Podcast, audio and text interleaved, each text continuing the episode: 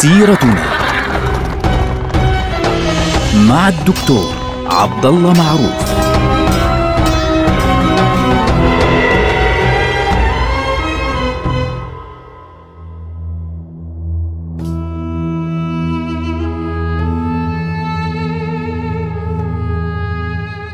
السلام عليكم ورحمة الله وبركاته. سيرتنا سيرة هذه الأمة العظيمة ونحن الآن في العهد العثماني. آه هذه الحلقة يا إخواننا بدنا نخصصها للحديث عن واحد من أهم ميزات الدولة العثمانية. جيش العثمانيين القوي المشهور في التاريخ اللي هو واحد من أهم العوامل التي ساهمت في قيام الدولة وفي رفعة الدولة وفي عظمة الدولة وبعد ذلك ساهمت في ضعف الدولة وفي سقوط يعني هيبة هذه الدولة حتى أدى سقوط هذا العامل إلى سقوط الدولة لاحقا بعدها بحوالي 150 سنة تقريبا. ما هو هذا العامل المهم وهذا العنصر الكبير الذي يتميز أو تتميز به الدولة العثمانية؟ هو جيش الانكشارية.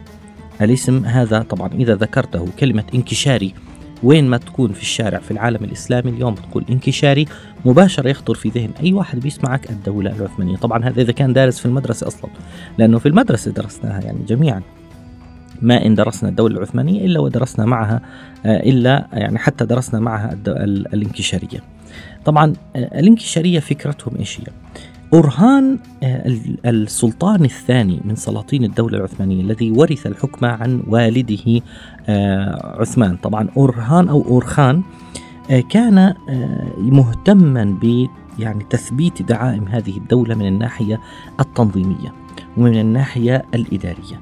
لكن عندنا يعني واجه هذا الرجل مشكلة مهمة جدا وهي أن الدولة العثمانية دولة العثمانيين سواء في عهد عثمان أو حتى قبل تأسيس الدولة العثمانية اللي في عهد إرطغرل أو حتى في عهد أبيه خاصة في عهد إرطغرل كانت المحاربون فيها المحاربين فيها كانوا يعني ليسوا جيشا منظما حقيقيا فعليا وإنما كان الجيش هناك يعني قائما على فكرة المتطوعين والمجاهدين الذين يريدون الجهاد وأحيانا بعض الناس الذين يريدون أن يجاهدوا لأجل الغنيمة فعليا. فأغلبهم كانوا حتى فرسان لأن لم يكن هناك مشاة يعني تخيلوا جيش العثمانيين في عهد عثمان لم يكن فيه مشاة كلهم فرسان. آه وفي المحاربون في عهد آه أرطغرل كانوا كلهم فرسان. يعني كان كل واحد عنده فرس وبيروح بيحارب عليه. فعند عندما يد يعني يأتي داعي الحرب يجتمعون ويذهبون إلى الحرب جميعا ويغزون ويقاتلون إلى آخره، اللي بده غنائم بياخذ غنائم واللي بده يجاهد يجاهد واللي بده كذا بياخذ اللي بده إياه. وفي النهاية يعود كل إلى عمله، اللي بيشتغل حداد، اللي بيشتغل نجار، اللي بيشتغل كذا، كل واحد بيرجع مباشرة. وكان عدد كبير منهم أصلا من المتصوفة، من المتصوفة اللي بسموهم الدراويش في ذلك الوقت، الأول ما يصير في حرب يذهبون إلى القتال ثم يعودون إلى يعني أعمالهم الطبيعية. طبعا هذا الكلام العثمانيون يعني لم يكن مناسبا لدولتهم. طبعا في البداية هذا شيء طبيعي، لماذا؟ لأنه في البداية كانت الدولة أو لم تكن دولة هي كانت عبارة عن إمارة حدودية بالتالي هي مقاتلة. لكن لكنها كانت إمارة تتبع دولة. ولذلك لم تكن لها جيشها الخاص حتى لا تخيف الدولة السلجوقية ولا يعني يرتاب بها هؤلاء الجيران الموجودين حولها ولكن منذ أن أسست هذه الدولة صار لها يعني للجيش أو لوجود جيش أهمية كبيرة جدا. العثمانيون أيضا لأجل أن يجتذبوا المجاهدين يعني وحتى طلبة الغنائم اللي بدهم والله غنائم وكذا يعني قاموا بتخصيص أراضي خاصة لكل يعني مثل غنائم إقطاعيات إن صح التعبير لكل من يقاتل من هؤلاء المقاتلين المحاربين فعليا حتى يكونوا جاهزين للقتال في أي وقت.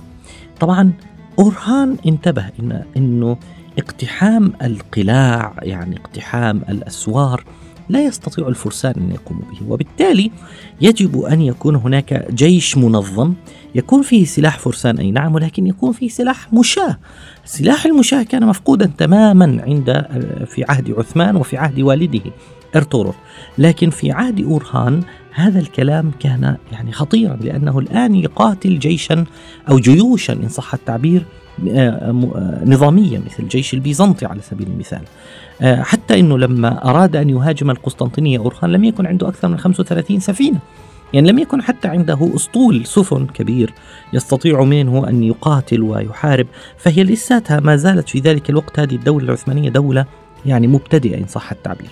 ولذلك قرر أن ينشئ جيشا من المشاة جيش من المشاة وجيش من الجند المحترفين. يعني إيش آه، شغلتك؟ والله شغلته جندي. ماذا يعمل؟ يعمل جنديا. هذا الكلام يعني آه، تمكن أورهان من استغلال عدة ظروف لأجل تأسيسه.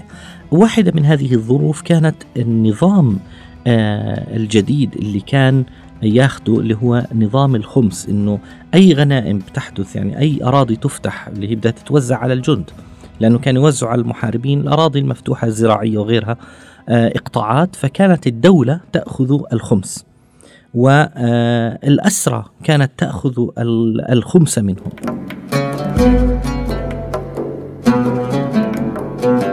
فهناك أسرى كثر.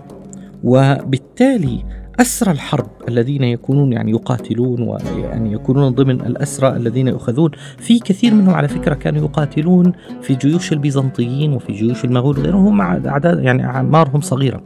فلذلك يعني آه الأسرى صغار السن اللي هم خاصة من الأطفال كان قد اختارهم أورهان بداية لهذا الجيش الجديد. وضم إليهم الأيتام اللي ما لهم آباء ولا أمهات ولا شيء اللي آه، خلال حروب بعاد تماما ليس عندهم من آه، يحميهم ولا من يحرسهم. فكون أورهان من هؤلاء يعني نواة آه، لمجموعات يعني أسند إلى بعض قادته تربيتها تربية خاصة. فكانوا يربون تربية إسلامية ومتصوفة وكانوا على فكرة يعني أغلبهم على آه، الطريقة البكتاشية على طريقة البكتاشية. هكذا يقال طبعا لاحقا كلهم كانوا على الطريقة البكتاشية. فهم متصوفة عندهم مبادئ عميقة جدا لا يعرفون آه، إلا مبادئ الإسلام الذي يربون عليها منذ كانوا صغارا. وفي نفس الوقت من الناحية البدنية كانوا يخضعون لتدريبات عنيفة شديدة جدا يعني قوات خاصة. قوات خاصة يعيشون يعني حياة خشنة عند عندما يصلون إلى مرحلة يعني يمكنهم أن يدخلوا فيها الجيش يدخلون مباشرة في هذه القوة. طبعا أورهان أخذ هذه الفكرة من أحد مستشاريه اللي هو آه، قرة خليل جندرلي. فهذا الرجل قال له هذه الأسرة إذا فعلت كذا وكذا وخاصة عندك الأيتام والأسرة والناس المشردين ما عندهم الشيء خاصة الأطفال إذا فعلت ذلك صار عندك فعليا مورد بشري كبير جدا لجيش نظامي محدد. فأعجبت آه، الفكرة هذه السلطان أورخان ووضع بنفسه قانونا في 14 مادة تحدد نظاما داخليا خاصا لهذه الفرقة وينظم علاقات أفرادها بعضهم ببعض كيف يعني بيتعاملوا مع بعضهم كيف بيتعاملوا تماما ونص فيها على أنه السلطان هو أبوهم فلذلك يعني لا يعرفون لأنفسهم إلا السلطان طاعة السلطان. وأقام لهم آه، غرفا خاصة ثكناتهم الخاصة كانوا يتلقون التدريب العسكري فيها. كانوا لا يتزوجون طوال حياتهم يعني فعليا ما في عندهم أسرة. خلاص لا يختلطون بالمجتمع وإنما فقط هم يعني يربون على إنه أنتم موجودين للدفاع عن هذه الدولة والدفاع عن السلطان والدفاع عن الدين الإسلامي. فيعني كانوا طبعا لاحظوا التربية الإسلامية اللي هي ربط الدين الإسلامي والقرآن بالحفاظ على على الأمة وعلى السلطان. فالسلطان كانوا يسموه والدهم تماما ومهنتهم هي الحروب. فهنا آه الآن ظهرت كلمة انكشاري آه، لكي تسمى أو يعني حرفت عن كلمة يني تشري فيني تشري طبعا معناها ربما يعني قيل إنه معناها آه، الجيش الجديد وبعضهم بيقول إنه لا أحد الشيوخ سماهم هذه التسمية. التي يهمنا هنا على الأرجح هي إنه يني تشري أو الجيش الجديد. فحرفت هذه الكلمة إلى انكشاري. وهذا الجيش آه، يعني جيش منظم كامل صارت لهم للجيش الانكشاري الانكشارية ملابسهم الخاصة. كانت ترضع لهم يعني آه، قلنسوة من الصوف لونها أبيض آه، تتدلى من الخلف.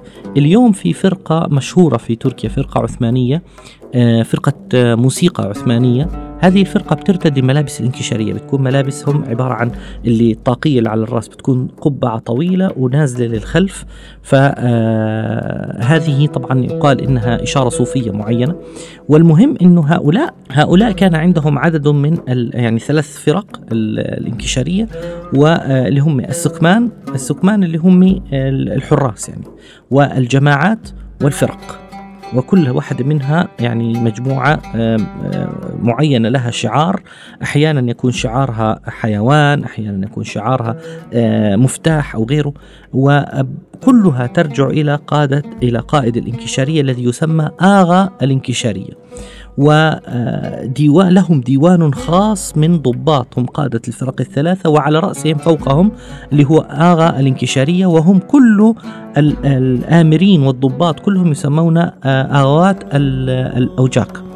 فهذا الرجل أغا الانكشارية أصبح واحدا من أفراد مجلس الأمن القومي في الدولة العثمانية وبقي يسيطر فعليا على مساحة واسعة جدا من الأهمية لأنه عنده الجيش يعني هو الذي يسيطر على الجيش وبالتالي يعني هو شخصية مهمة جدا. طبعا الانكشارية كما تلاحظون الانكشارية طبعا آه لاحظوا إنهم مرتبطين ارتباط مباشر بالسلطان وكان السلطان يعطيهم أعطيات هائلة يعني آه عندهم حصانة لا يمكن أن يحاكموا أمام آه القضاء العادي عندهم قضاءهم الخاص عندهم قضاءهم الخاص ومن هنا إجت فكرة القضاء العسكري عندهم قضاء عسكري هو الذي يحاكمهم وهو الذي يطبق. العقوبات عليهم لكن إن والله تقول لي والله واحد بيشكي لقاضي عادي لا القاضي العادي ليس له سلطة عليهم وأيضا كانوا يعني ينعم عليهم إن صح التعبير بالطعام بشكل كبير جدا حتى صار لهم يعني آه، من اللطائف الغريبة في التاريخ إنه والله كانوا آه، القدور لهم يعني كانت لها أهمية كبيرة جدا لأنها إشارة للطعام الذي يأخذونه من السلطان بشكل كبير جدا. طبعا هذا السلاح لاحظوا الجيش كبير وقوي جدا. هذه القوة مع الزمن تعاظمت أكثر وأكثر لدرجة أنها أصبحت تؤثر على الدولة نفسها. نفسها. أصبحت تؤثر على السلطان نفسه. أصبحوا باختصار أقوى من السلطان. في مرحلة معينة صاروا يتمردون على السلاطين صاروا يؤسسون لأنفسهم أو يعني يتدخلون في شؤون السياسة وهذا أدى بعد سنوات طويلة مئات السنوات طبعا إلى صراع شديد بين الانكشارية وبين عدد من السلاطين حسمه تماما نهائيا السلطان محمود الثاني اللي هو آه، جد أو يعني إن صح التعبير جد الأعلى للسلطان عبد الحميد الثاني بأن آه، أنهى وجود الجيش الانكشاري وألغاه تماما وكان ذلك إيذانا فعليا بإضعاف آه، سلطة هذه الدولة لأنه الجيش يعني إن صح التعبير تغول على الدولة. هنا نقطة أخيرة أختم بها اخواني. الجيش مهم جدا لأي دولة. قوة الجيش من قوة الدولة ولكن إذا أصبح الجيش أقوى من الدولة وتغول على الدولة ضاعت الدولة وأيما عسكر سيطروا على دولة ضاعت فعليا الدولة. ليه؟ العسكر ليسوا للسياسة العسكر لحماية الدولة. فإذا تغولوا على الدولة كانت الكارثة. نلقاكم على خير والسلام عليكم.